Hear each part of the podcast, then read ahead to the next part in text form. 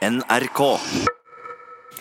Fredag lanseres fotballspillet Fifa 20, et av verdens mest populære TV-spill. Men spillet har fått oppmerksomhet for andre ting enn fotball. Produsenten EA tjener nemlig milliarder på at spillerne, deriblant mange barn, bruker penger på tilfeldige belønninger for å bli bedre i spillet. Flere europeiske land mener disse kjøpene er gambling, og Kulturdepartementet skal avgjøre om Norge følger etter i forslaget til ny spillov. Men nå utsetter departementet lovforslaget til neste år. Det gir spillselskapene fritt leide. Boom, baby! Vi snakker Fifa 20, og jeg er drithypa! Sander Austad Dale er bedre kjent som Randulle på YouTube, der over 150 000 følgere ser han spille fotballspillet Fifa. Selve Fifa-spillet får du kjøpt for en 500-600 kroner. Men det er ikke der utgiftene ligger. Vi har startpakken her, så jeg tenker egentlig bare å gønne på med de første. Her pakker Dale opp en pakke virtuelle fotballkort. Kortene blir til spillere han kan bruke til å sette sammen sitt eget drømmelag i spillet. Han vet ikke hva han får. Med andre ord kan glede Å, den her går sakte! Å, det er walkout! Yes! Kom an, Brasil! fort snu. Jeg dør! Å. Jeg vil absolutt eh, aldri eh, anbefale å kjøpe Fifa Points. Simpelthen fordi det er bingo. Så eh, heller spill deg til, til et godt lag kontra å bruke penger på, på noe som du får særdeles lite igjen for. Fotballkortene kjøpes med poeng, Fifa points. De kan du enten tjene opp ved gradvis å spille mye, eller du kan bruke vanlige penger for å få tak i dem med en gang. Dale bruker et tosifret antall tusen kroner på det hvert eneste år. Pakkene de kan inneholde alt fra Cristiano Ronaldo til en eh, Niklas Bentner, så det er veldig bingo og vanskelig å forutse hva du kan få i det. Og det er nettopp at man ikke vet hva pakkene inneholder, som gjør at Belgia, Nederland og Storbritannia har definert slike pakker som gambling. Ikke minst fordi mange av de som spiller og bruker penger på spill som Fifa, er barn. NRK har snakket med flere foreldre som forteller om press fra barna som vil oppnå rask suksess i Fifa ved å betale litt ekstra. Når det gjelder reguleringen rundt lootboxer, så eh, syns jeg at det haster litt å få det på plass. Det er noe som mange er opptatt av, og det er ikke noen grunn til å vente så lenge, syns jeg. Det sier førsteamanuensis Rune Mentzoni ved Universitetet i Bergen. Mentzoni bruker ordet lootboxer om Fifa-kortene. En samlebetegnelse om de tilfeldige forundringspakkene som spillbransjen i fjor tjente over 230 milliarder kroner på. Her i Norge skulle Kulturdepartementet tatt stilling til om slike lootboxer er gambling i forslaget til en ny spillov.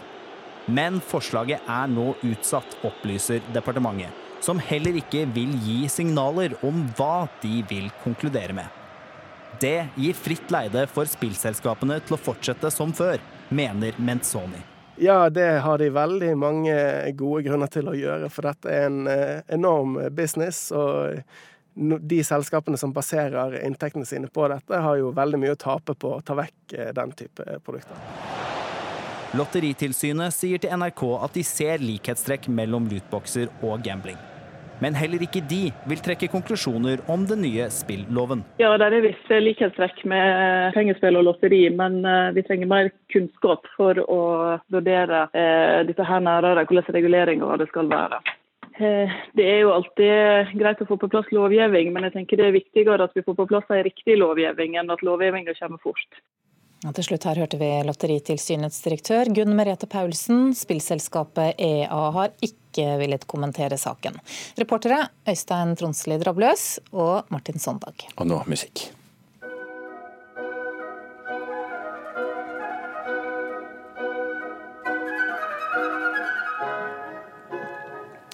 Mange vil nok klare å gjette at dette er eh, bilder fra en utstilling av Mussorgskij. Ikke alle vil vite at dette er Oslo-filharmonien, dirigert av Maris Janssons. Janssons, kanskje Oslo-filharmoniens største dirigent gjennom orkesterets hundreårige historie.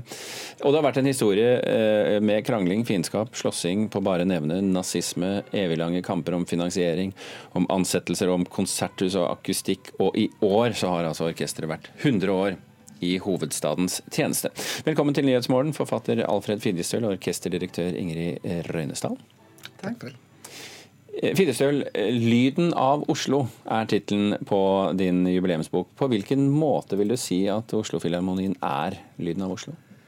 Eh, nei, det var jo, eh, Tittelen er valgt fordi at eh, Oslo på en måte mangla nettopp et symfonisk orkester da det ble oppretta. Og Oslo var en mye stillere by. sant? Dette, vi hadde ikke kringkasting, vi hadde ikke private platespillere. Så en mangla på en måte muligheten til å høre den store musikken. Og det kom Oslo-filharmonien og ga Oslo. Men hvorfor kom det så mye krangling på kjøpet? Ja, det kan en jo spørre om.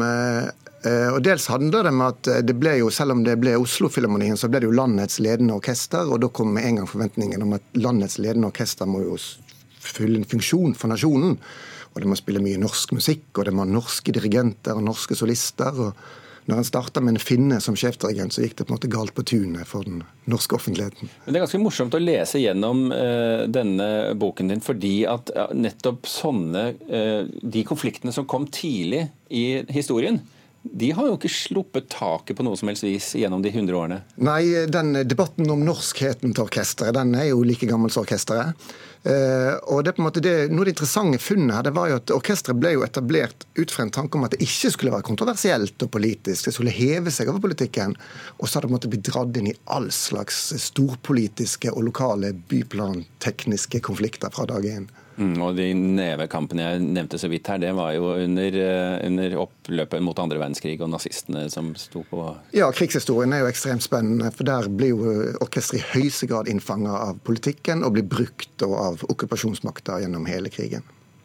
Eh, Rønnesdal, du kjenner jo dette orkesteret godt, har vært direktør der nå i seks år. Har du lært noe nytt ved å lese denne boken? Absolutt. Altså, jeg syns Alfred har nettopp fanget opp noen linjer og også noen uh, helt konkrete analyser som ikke jeg har lest før om orkesteret. Som for eksempel? Nei, Denne utrolig tette koblingen til politikk uh, den har vi på en måte visst om, men aldri så, så omfattende egentlig som det her er belyst. Eh, vil du si altså Det var et, var et sitat jeg hadde, hadde fra Fidesøl her. altså Han skriver et sted fra starten et orkester som ikke forsto sitt eget beste. Er det litt sånn fremdeles? Nei, jeg vet ikke om jeg skal kommentere det, men, men eh, at det har vært eh, utrolig mange måte, interesser og måte Eh, ja, utrolig mye ambisjoner for orkesteret. Det er ofte det som er grunnlaget også for konflikter. At mange vil forskjellige ting. Eh, og så er det i dette spenningsfeltet også. Vi er med på å utvikle norsk musikkliv. Så jeg tenker at det er kanskje ikke så unaturlig. Hvor, hvor mye av de 100 årene har vært preget av sjalusi? jeg har bare vært med på seks av dem, si. ja. men jeg har ikke opplevd egentlig sjalusi som en sånn stor uh, Drivkraft? Nei. Det går ganske mye historier om folk som ikke liker hverandre, og som blir eh, satt til side osv. Og ja, sånn, ja. Interne konflikter er det selvfølgelig spesielt på toppene. En hadde jo perioder der en hadde parallelle sjefdirigentansettelser og sånn. Delt lederskap det er vanskelig i alle bransjer, også i et orkester. Mm. Et annet spørsmål som har vært gjennomgående her, det er jo et som lever i beste velgående. Det er spørsmålet om et nytt konserthus. Nå har dere riktignok et konserthus, mm. men det er ikke ekstremt populært, og dere vil gjerne ha et nytt. Eh, er det de samme problemstillingene som ligger bak hele tiden? Altså, vi tenker jo at den Boken her med all mulig tydelighet også viser at uh, det er et utrolig vitalt ensemble, en utrolig vital kulturinstitusjon for Norge.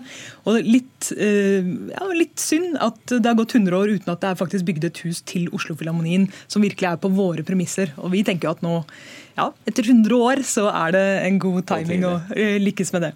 Fidjesøl, eh, du har en annen eh, formulering her som jeg likte. Kaller, eh, det er noe du kaller post-janssonsk traume. Ja, altså, Maris Janssons er jo selvfølgelig det store navnet i Oslo Filharmoniens historie. Han er jo sjef her i over 20 år, og han løfter orkesteret opp fra å være et lite provinsorkester i en europeisk utpost til å bli verdensledende. Eh, og så er det jo Å erstatte han det er jo ikke gjort i en håndvending. og Det er på en måte der en sett etterpå at enhver dirigent senere er dømt til å bli sammenlignet med han, og det har vært en vanskelig sammenligning.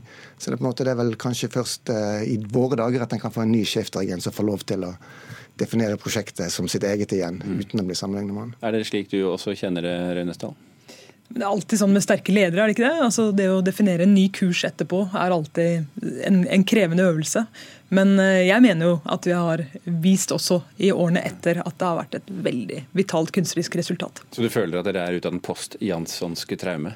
jeg føler det. ok, eh, Oslo Filharmonien, altså 100 år eh, i år. Ny bok ute nå med navnet 100 år i Nei, Lyden av Oslo. 100 år i, i orkesterets tjeneste.